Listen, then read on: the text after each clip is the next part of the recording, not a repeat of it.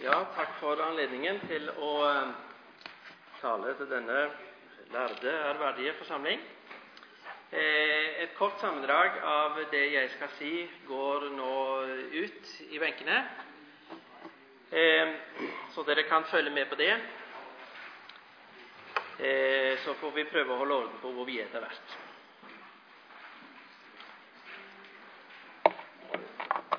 Forventningen om at vi en gang skal få oppleve en verden som er annerledes og bedre enn den verden vi lever i nå. Det er en forventning som står sterkt i den bibelske åpenbaring. Vi har f.eks. en tydelig gammeltestamentlig profeti om dette i Jesaja kapittel 65, hvor det står Se, jeg skaper en ny himmel og en ny jord. Ingen skal minnes det som var, Ingen skal tenke på det mer. Ja, gled og fry dere til evig tid over det som jeg skaper. For jeg skaper Jerusalem om til en jublende by, og de som bor der, vil jeg gjøre til et lykkelig folk. Og Det er vel ingen som hører dette, som er i tvil om at det vil bli en vidunderlig opplevelse for den som får del i den. Men hvordan skal vi forstå forholdet mellom det som det her profeteres om, og den verden vi lever i nå? Dreier det seg om en fullstendig nyskapelse? Eller er det en form for kontinuitet mellom den verden vi lever i nå, og den kommende? Eller for å formulere spørsmålet på en annen måte eh, Skal Bibelens endetidstekster forstås metaforisk som billedlige antydninger om en ny og annerledes verden, eller skal de forstås bokstavelig, ut fra konkrete referanser til den verden vi nå kjenner? I Det nye testamentet så har vi tekster som tilsynelatende gir ulike svar på det spørsmålet. Romerbrevet kapittel 8 vers 21 fokuserer på kontinuitet. Det skapte skal bli frigjort fra slaveri under forgjengeligheten, men fremdeles altså det skapte. Og 2. Peter kapittel 3, der ser det ut som det er snakk om et brudd, der det står at elementene skal bli fortært, alt skal gå i oppløsning, og så skal det nye komme. Ja, Vi kan til og med hevde at denne spenningen allerede er bygget inn i profetien i Jesaja 65, hvor det står om en ny himmel og en ny jord, men Jerusalem skal skapes om. Det uttrykket 'det nye Jerusalem' står i overskriften over det avsnittet i den norske bibelen, men det står ikke i teksten. Det nye Jerusalem er et uttrykk Bibelen bare bruker i åpenbaringsboken.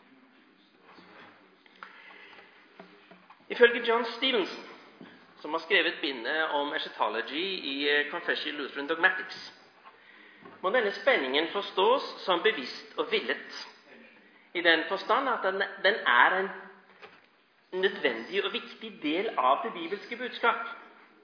For både kontinuiteten og nyskapelsen er begrunnet i viktige bibelske lærepunkt. Vår status i den kommende verden bestemmes på grunnlag av våre gjerninger i denne. Og disiplene kjente igjen den oppstandende, førstegrøden, foregripelsen av den nye verden. Om enn ikke uten videre. Samtidig frelses vi gjennom nåde, som er tenkt som skapelse av intet. Slik at det faktisk bare er de bibelske metaforer som kan gi en idé om hva dette dreier seg om. Både kontinuitet og nyskapelse synes altså å ha viktige elementer å ivaretas. Oppløses denne spenningen, er det faktisk noe viktig vi går glipp av.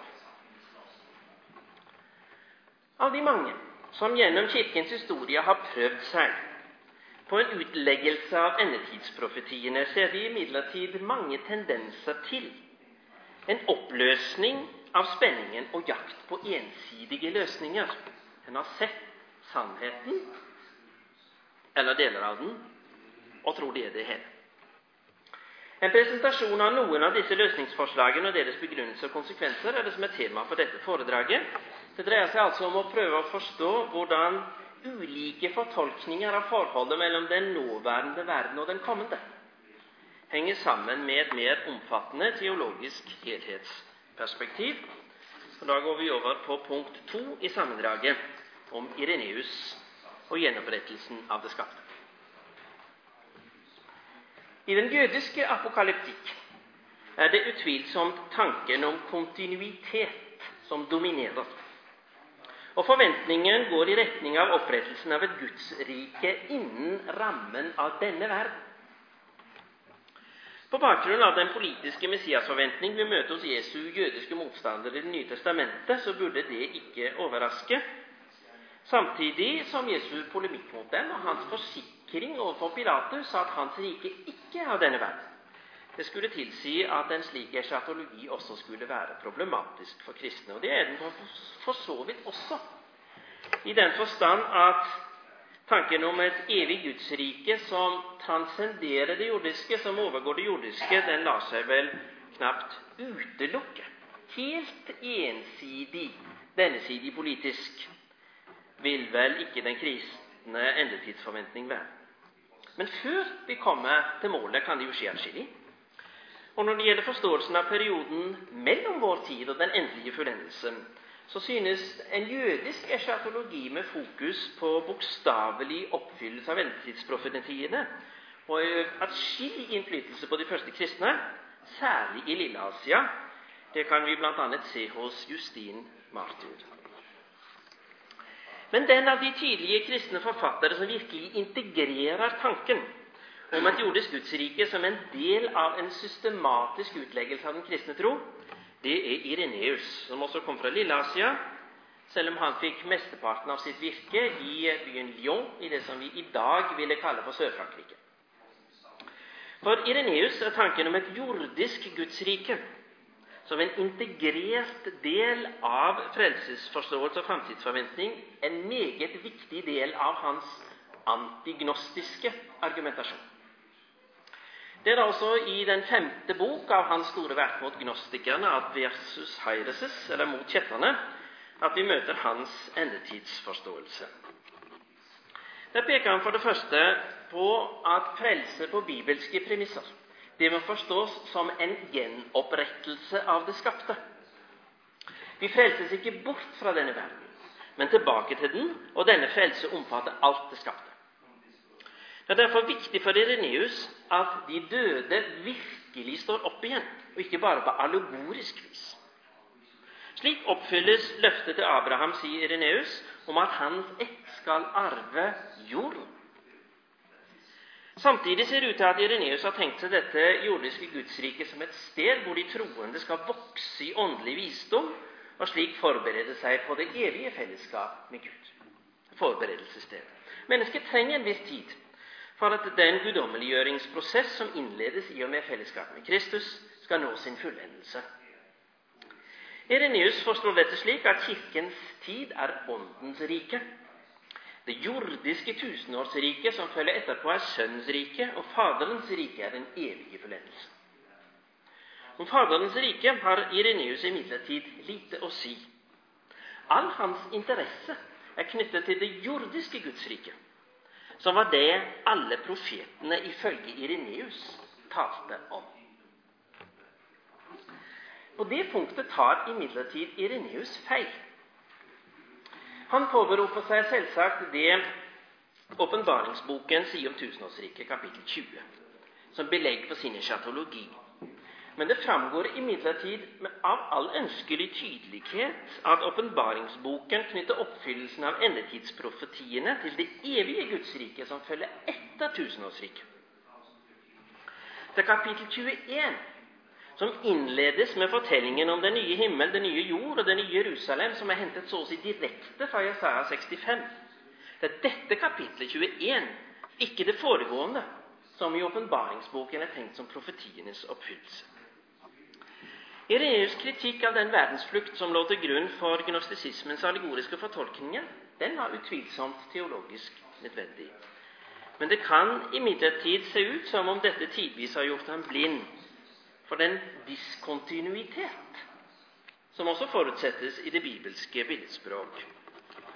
På dette punktet ser det derfor ut som vi må konkludere med at Ireneus er fanget av sin egen polemikk, og blir mer antignostisk.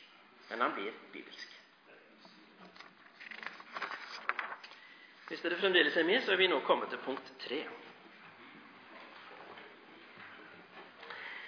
Ireneus forventning om et jordisk tusenårsrike er altså både for jødisk og for bibelske premisser også for politisk til at det kunne bli stående uimotsagt, og det ble det heller ikke. Hvis vi kaller Ireneus sin oppfatning for kiliasme, etter eh, kilios, tusen, gresk betyr tusen, så er det Markion og Rigenes som er oldkirkens to store antikiliaster. Markions polemikk mot alt han oppfattet som jødisk, det skal få ligge i fred i denne omgang, men Origenes må vi se litt nærmere på. Han er atskillig mer subtil enn Markion. Origenes avviser ikke Det gamle testamentet, men han fortolker Det gamle testamentet.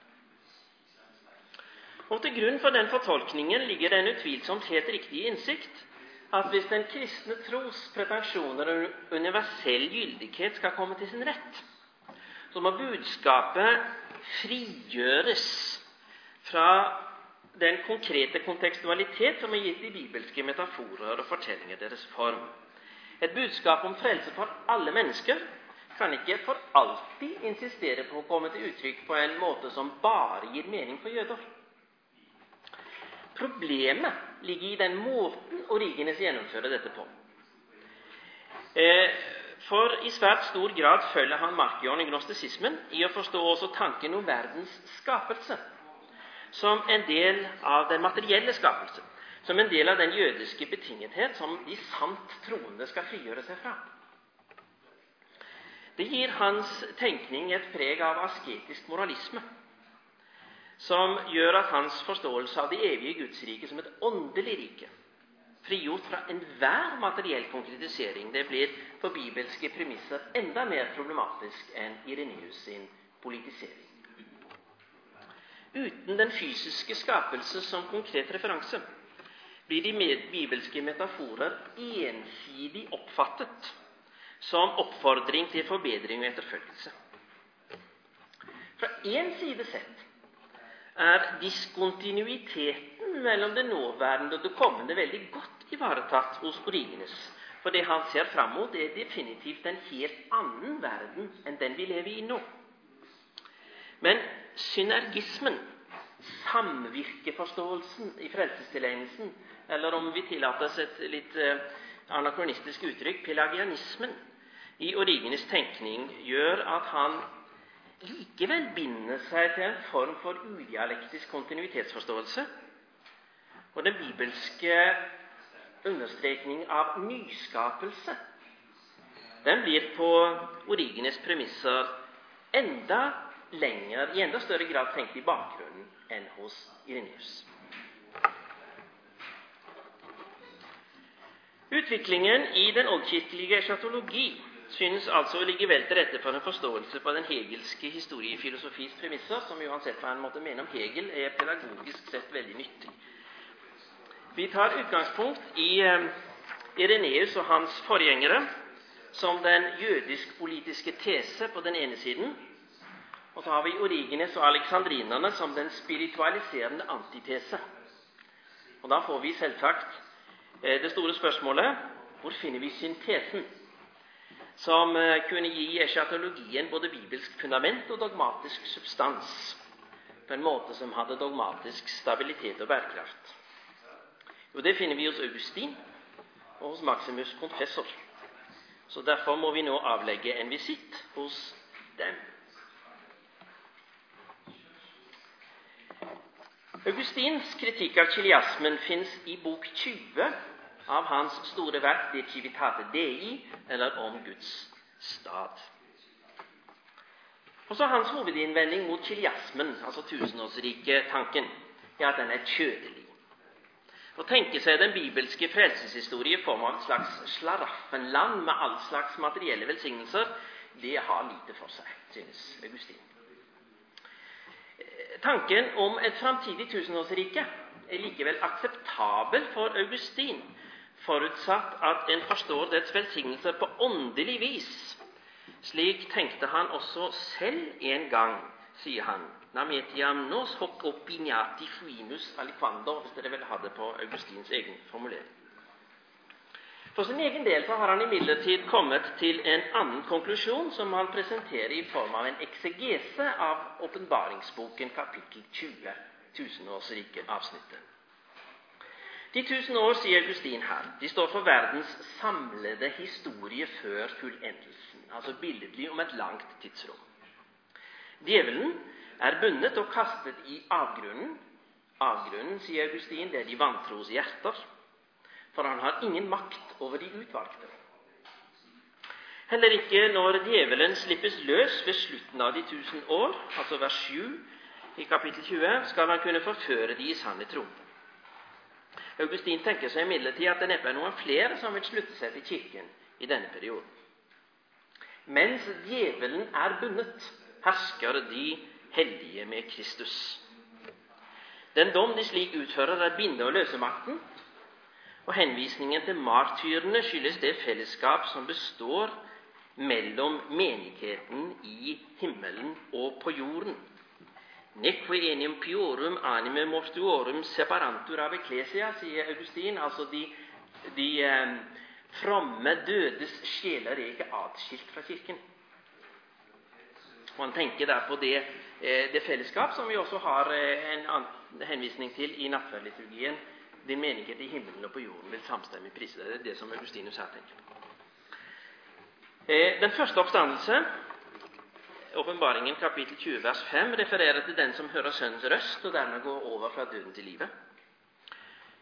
Eh, og de som ikke på denne måten er blitt levende i løpet av de tusen år, står ved den andre kjødets oppstandelse opp til dom, sier Augustin om åpenbaringen kapittel 20. Dette er ikke stedet for en detaljert drøftelse av Augustins eksegese av åpenbaringen kapittel 20. Men det er likevel interessant å observere at den er basert på en gjennomtenkt for tolkningslære, som legger til grunn at Det nye testamentet er et budskap om Kristus og hans kropp, som er Kirken. Med det som utgangspunkt så, sier Augustin, så er åpenbaringsbokens hensikt den er ikke først og fremst å informere om framtidige begivenheter, i hvilken rekkefølge de skal komme, men å styrke det eschatologiske håp i trengsels- og krisetider. Samtidig er Augustins endetidsforståelse basert på en forståelse av forholdet mellom Gud og den skapte virkelighet, som kanskje kommer tydeligst til uttrykk i hans bearbeidelse av forholdet mellom tid og evighet. Augustin er den første i Kirkens historie som har en gjennomtenkt eh, eh, eh perspektiv på det. Gud er uendelig. Og Fellesskap med Hans Sønn innebærer derfor et forhold som først fullt ut kan realiseres om en transcenderer, om en går utover den historiske kontekst som vi nå befinner oss i. Ethvert forsøk på å binde gudsriketankens fellesskapsidé til en prestentisk eller futurisk politisk virkelighet blir derfor utilstrekkelig for Augustin. Den går utover denne verden allerede slik vi opplever den her og nå. På dette punkt kan en si at Augustin er på linje med Origenes. Forståelsen av at det er åpenbaringen av den nye himmel og den nye jord i åpenbaringen kapittel 21, ikke tusenårsriket kapittel 20, som utgjør oppfyllelsen av Jesaja 65 og endetidsprofetiene, er derfor hos Augustin ikke bare basert på eksegetiske enkeltobservasjoner, det er integrert i en gjennomtenkt teologisk helhetsforståelse. Men Augustin har en mye klarere forståelse av skapelsens grunnleggende godhet enn det Origenes hadde. Augustin vet at for bibelske premisser er det ikke materien som er et problem. Derfor forstår Augustin også gjenopprettelsen av det tapte gudsforholdet som et resultat av Guds skapende inngrep, på en måte som befrir han fra Origenes asketiske synergisme, samvirketanke. For Augustin er det inkarnasjonen, altså Guds forening av seg selv med det skapte, som utgjør det entydige grunnlaget for det gjenopprettede gudsfellesskap. Det innebærer at bruddet mellom Guds evighet og nåtiden ikke er totalt. Samtidig som det er en kontinuitet som er frigjort fra synergisme, fra samvirketanken. Den nødvendige spenningen mellom det metaforiske, mellom billedtallet og det bokstavelige, den opprettholdes. Vår nåværende virkelighet får i kraft av inkarnasjonen en henvisningskarakter som gjør at bestemte begivenheter allerede nå får en tydelig eschatologisk dimensjon. At det er Kirkens sakramentale fellesskap som for Augustin framstår som endetidens nåværende realisering, og slik utgjør den tydeligste manifestering av kontinuiteten mellom skapelse og fornyelse, er derfor ikke tilfeldig. Tonaturkristologien kvalifiserer verden kristologisk. Den menneskelige natur er ett med Gud og gjør Herren nærværende allerede her og nå på en måte som samtidig peker på fellesskapets fullendte realisering i det evige Guds rike. Augustins eschatologi er slik klart antikiliastisk. Han forventer seg ikke et tusenårsrike i denne verden, og med god grunn. Samtidig ser han også helt klart at også antikiliasme kan fremmes på en uholdbar måte. Både Origenes og andre varianter av politisering eh, både, både, Origenes spiritualisering og enkelte former for, for politisering av framtidsforventningene er uholdbare for Augustin.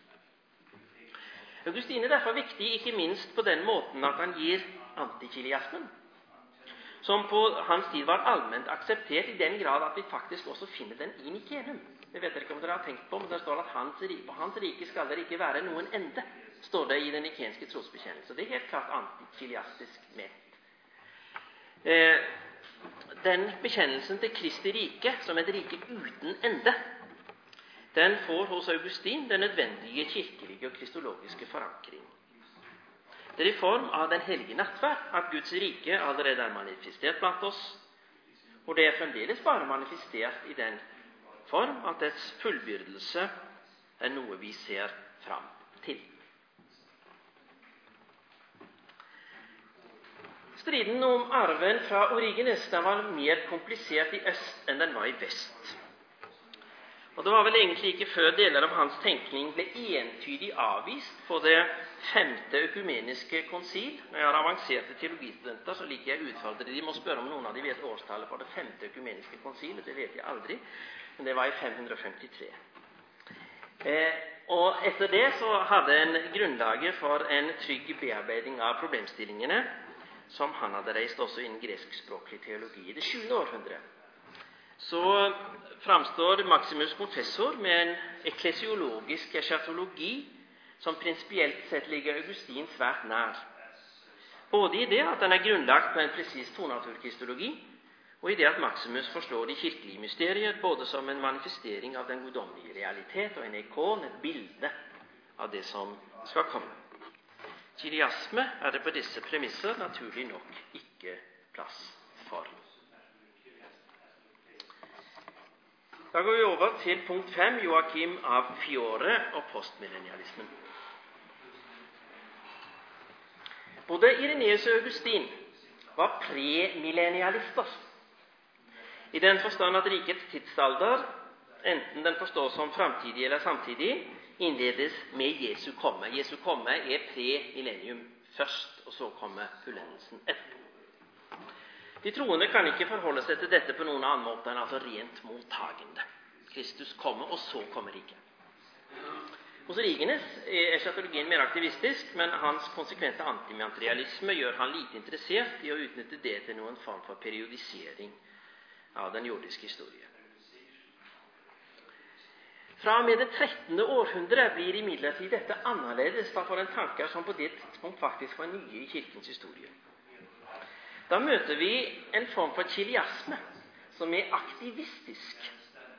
I den forstand at menneskers innsats tenkes å kunne bidra til å framskynde rikets komme.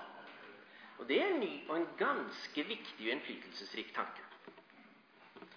Fordi Jesu komme da blir oppfattet som en konsekvens av at riket allerede er etablert. Først riket, og så gjenkomsten, kalles den måten å tenke på for postmillennialistisk. Altså Jesu gjenkomst postmillennium, etter, etter riket. Men viktigere enn dateringen av Jesu komme i forhold til rikets frambrudd er imidlertid ulike holdninger til riket hos troende.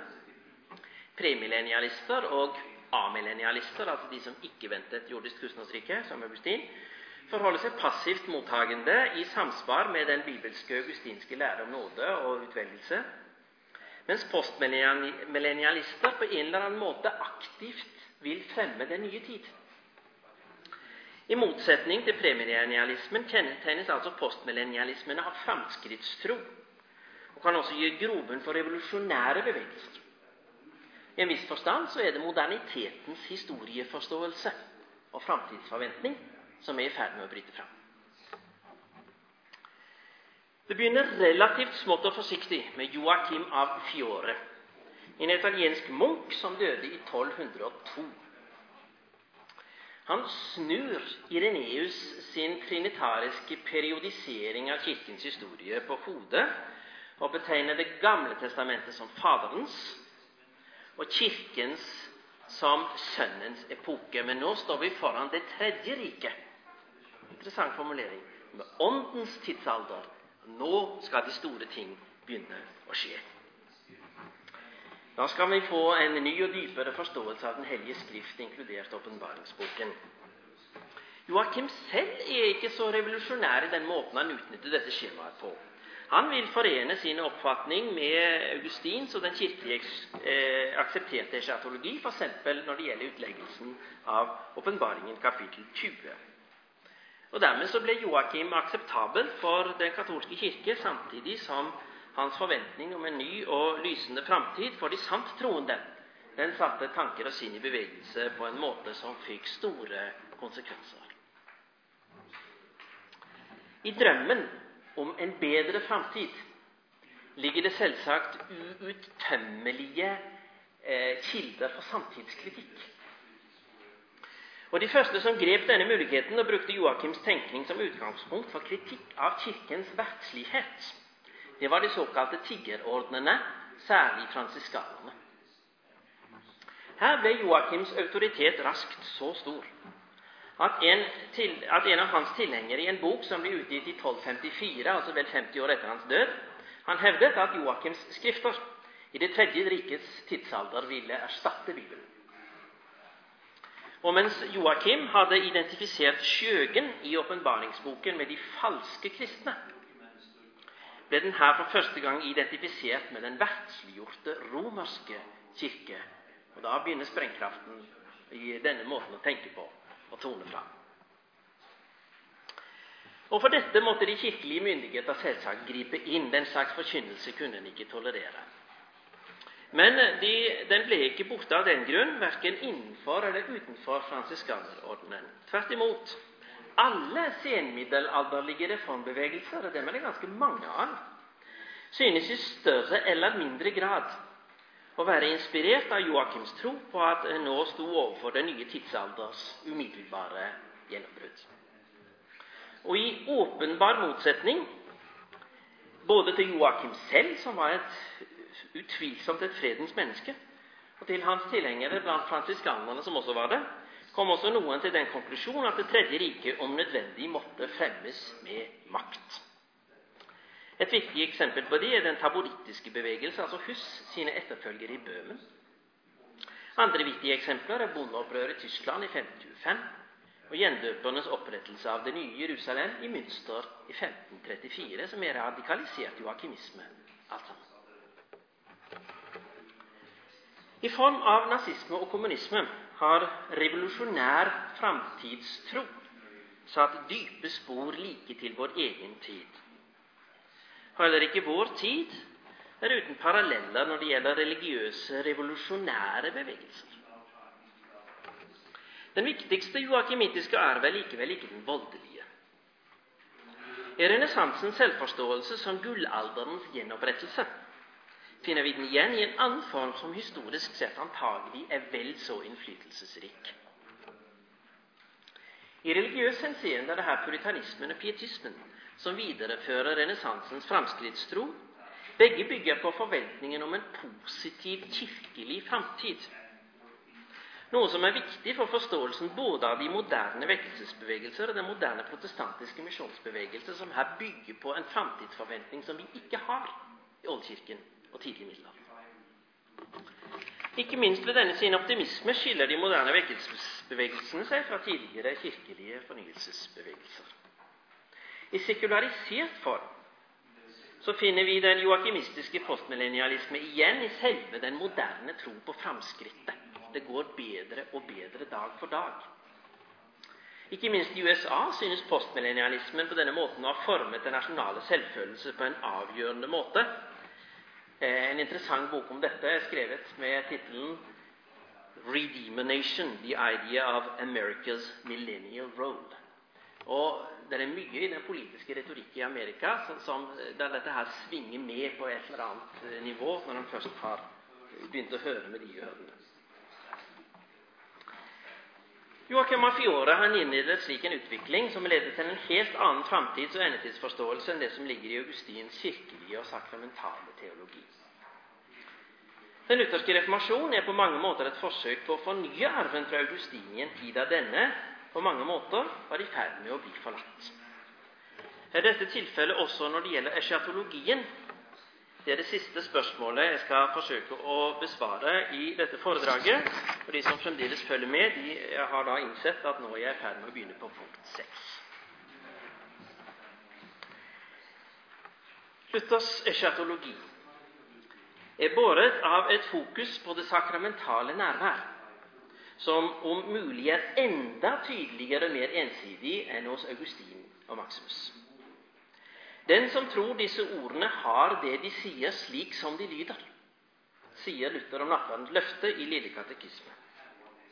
Endetidens frelsesgaver er reelt til stede og deles ut i ord og sakrament her og nå.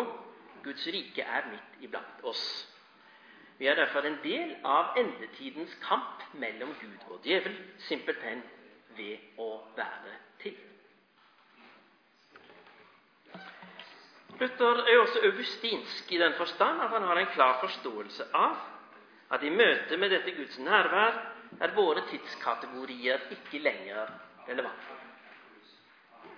Luther er derfor kritisk til tanken om en mellomtilstand mellom død og dom, hvor sjelen eksisterer i en slags legemsløs forfatning i påvente av forstandelsen på den ytterste dag, og kritiserer på det grunnlag den praksis å be om de helliges forbønn, og fra dette selvsagt også utløper til kritikk av skjærsildslæren. Forestillingen om en mellomtilstand var vanlig i den kirkelige eschatologi både før og etter Luther, og det finnes også spor av den hos Augustin. I stedet henviser Luther her noen interessante formuleringer. Luther henviser til Kristi løfte om at den som tror på ham, aldri skal dø. Det, sier Luther, er det sted hvor en befinner seg mellom døden og dommen. I påvente av oppstandelsen på den ytterste dag hviler en i Guds ord. Gud er en Gud for de levende og ikke for de døde. For ham er derfor ingen døde. Luther fornyer derfor den nytestamentlige tanke om døden som søvn. Ved legemets oppstandelse på den ytterste dag vil en derfor ikke ha noen opplevelse av at tiden er gått siden døden inntraff. Og det som da oppvekkes, er ikke legeme, men menneske, med sjel og legeme. I sin utleggelse av 1. Korinterbrev 15 har Luther også gjort seg sine tanker om forholdet mellom de legemer vi nå har, og de som skal vekkes opp på den ytterste dag, noe han i sin disputatio de homine, disputas om menneske, sammenfatter pregnant og presist i å si at mennesket slik det er i dette liv, er ren materie for Gud med henblikk på det livet hvor det skal få sin framtidige form. Kontinuitet og nyskapelse. Luther har imidlertid ikke noe problem med å forene forventningen om legens oppstandelse på den ytterste dag med den tanke at de troende umiddelbart går fra døden til den evige herlighet. Og han forstår lignelsen om Lasarus som en indikasjon på at Gud også midlertidig kan vekke de døde opp fra søvnen og ha blitt bruk for dem en stund, og så la de sove videre. At Det nye testamentet også her benytter seg av tilsynelatende motstridende forestillinger, er i seg selv et tegn på at vi har å gjøre noe, med noe som ikke uten videre fanges i våre forestillinger om tid og kontinuitet. Fordi mennesket er skapt i Guds bilde, er døden noe truende og unaturlig for mennesket på en annen måte enn for dyrene. For døden er uttrykk for Guds vrede og dom over mennesket. Og det er et problem dyr ikke strir med. Men i evangeliets lys framtrer døden også som det som befrir mennesket fra dets synd, og dermed også fra Guds vrede. Døden oppfyller slik dåpens løfte om syndens død. Dåpen innleder altså en utfrielsesprosess som fullbyrdes i døden. I kraft av den sakramentale realisme er det derfor også mulig for en kristen å lengte etter sin død som utfrielsen og den endelige seier i kampen mot synden. Luther levde i en tid med en apokalyptisk nærforventning som han også selv langt på vei delte. Luther trodde ikke det var lenge før Jesus kom igjen. Luther forutsier, eh, Det nye testamentet forutsier at Kirken i den siste tid skal trues, av ytre og indre fiender, noe Luther i sin tid så oppfylt i form av tyrkerne, den ytre fiende, og paven som antikrist, den indre fiende. Han tok imidlertid bestemt avstand fra alle forsøk på å beregne tidspunktet for den ytterste dag, til tross for at dette også kunne forekomme blant hans egne tilhengere. Det er en interessant form for eschatologisk matematikk. Jeg vet ikke hvor mye øvelser vi skal ha i det på denne konferansen. Men det fins visse prinsipper der dette, der dette, kan gjøres på, og Luther hadde lite sans for det. Når det gjaldt forståelsen av tusenårsriket i Åpenbaringen kapittel 20, så fulgte Luther Augustin og forsto dette som Kirkens tid. Ut fra Luthers eschatologiske realisme og hans avvisning av enhver form for sammentenkning av våre tidskategorier og den eschatologiske fullendelse, så er det vel også den eneste konsekvente måte å forstå teksten på. Både Münsers og gjendøpernes kiliasme, som den lutherske reformbevegelse hadde nokså nær innpå seg, gjorde at også lutheranerne ble beskyldt for å stå for slike ting. De ble beskyldt for å fremme eh, postmillennialistisk tenkning. Det definitive oppgjøret med denne kritikken foreligger i form av artikkel 17 i Confessio Augustana, som ganske bastant avviser kiliasmen med følgende formulering De fordømmer også andre som nå sprer jødiske meninger om at før de døde står opp, skal de fromme tilegne seg herredømme over verden etter at de ugudelige alle steder er slått ned. Altså En ganske tydelig tegning av et postmillennialistisk tusenårsrike-forståelse som er avvist i Augustan. I denne avvisningen av tanken om eh, riket som jordisk og dermed begrenset, er Augustana artikkel 17 altså på linje med Nikenum, som sier at hans rike, på hans rike skal det ikke være noen ende. Men jeg er ikke helt sikker på om Eh, Augustanas 17 formulering er helt veltruffet. Fordi det, er, ligger en litt sånn subtil selvmotsigelse i det at en bestemt oppfatning av et kristent skrift, som åpenbaringsboken kapittel 20, utlegges som en jødisk oppfatning. Eh, en kan diskutere om det uten videre er en vellykket måte å formulere seg på. I det første utkastet til Confessio Augustan, derimot, er det forventningen om en bokstavelig oppfyllelse av landløftet som oppfylles, som angripes som jødisk. Eh, og det er antagelig en saklig sett mer treffende formulering. Altså, eh, I forarbeidet til, til CA17 så er tanken om en bokstavelig oppfyllelse av landløftet i endetiden avvist som en jødisk oppfatning som ikke har noe i kristen teologi å gjøre. Eh, det er neppe korrekt å tillegge jødene ansvaret for den oppblomstring av senmiddelalderlig kristen kiliasme som er den umiddelbare historiske forutsetningen for CA eh, artikkel 17. Den jødiske framtidsforventningen har sin egen utvikling, sin egen historie, som ikke direkte er relatert til joakimismens oppblomstring. At avvisningen av kiliasmen i seg selv følger naturlig av den lutherske bekjennelses grunnleggende forutsetninger, burde det imidlertid ikke være tvil om. Heller ikke Luther er fremmed for en periodisering av Kirkens historie på Bibels grunnlag. Men et jordisk gudsrike mellom Kirkens tid og den evige fullendelse framstiller etter Luthers oppfatning kontinuiteten mellom vår virkelighet og Guds rike på en altfor entydig og udialektisk måte. Når Gud skaper, så skaper han noe nytt. Og Det må all kontinuitet til tross også gjelde for det evige Guds rike. Så til slutt noen eh, opps eh, oppsummering og noen konklusjoner. I Det nye testamentet er det en påfallende spenning mellom kontinuitet og brudd i framstillingen av forholdet mellom den nåværende verden og den kommende.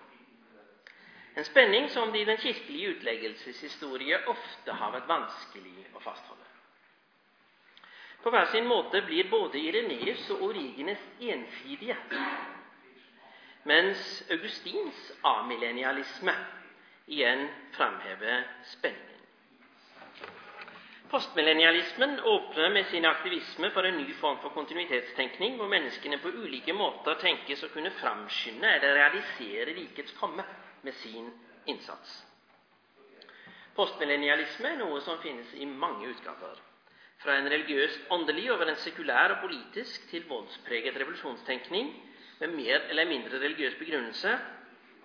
I alle sine former representerer den imidlertid en kombinasjon av tradisjonskritikk og framskrittstro som er ganske typisk for det vi gjerne kaller det moderne. Både Augustin og Luthers fornyelse av augustinismen skiller seg imidlertid avgjørende fra alle former for postmillennial, og postmillennial utopisme ved sin entydige fokus på Guds eschaton, Guds endetidsinngrep som nærværende i form av ord og sakrament midt i vår virkelighet, samtidig som ansvaret for den endelige realisering av det fullendte Guds rike plasseres det eneste sted hvor det på bibelske premisser kan ligge, nemlig hos Gud. Dette augustinsk-lutherske perspektivet er vel ivaretatt i Kirkens bekjennelse ved at det må sies å være klart bekreftet både i Nikenum og i Confessio Augusta. Men det er ikke uomstridt.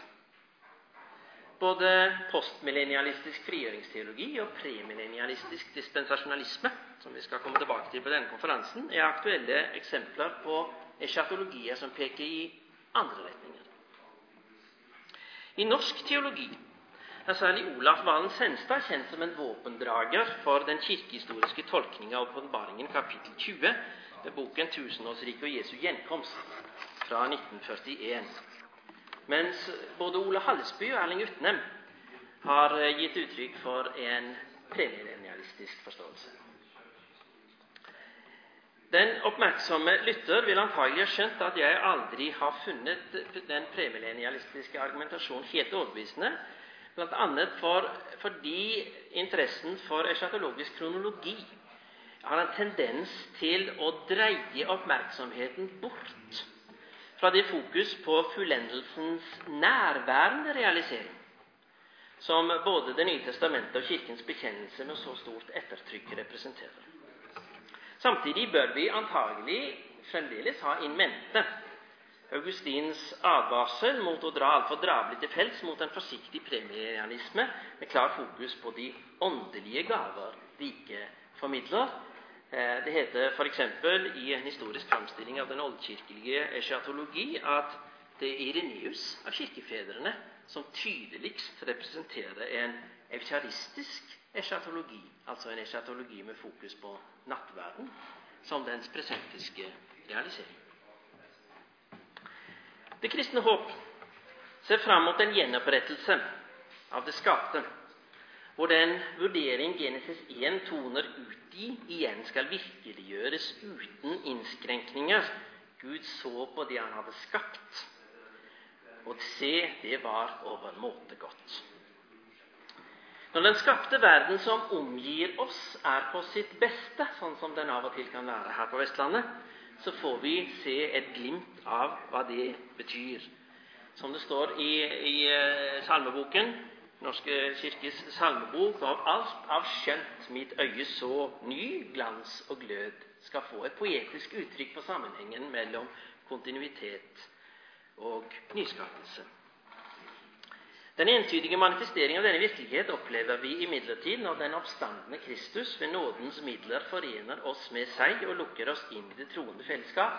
For da er vi alt en del av det vi en gang skal bli. Takk for.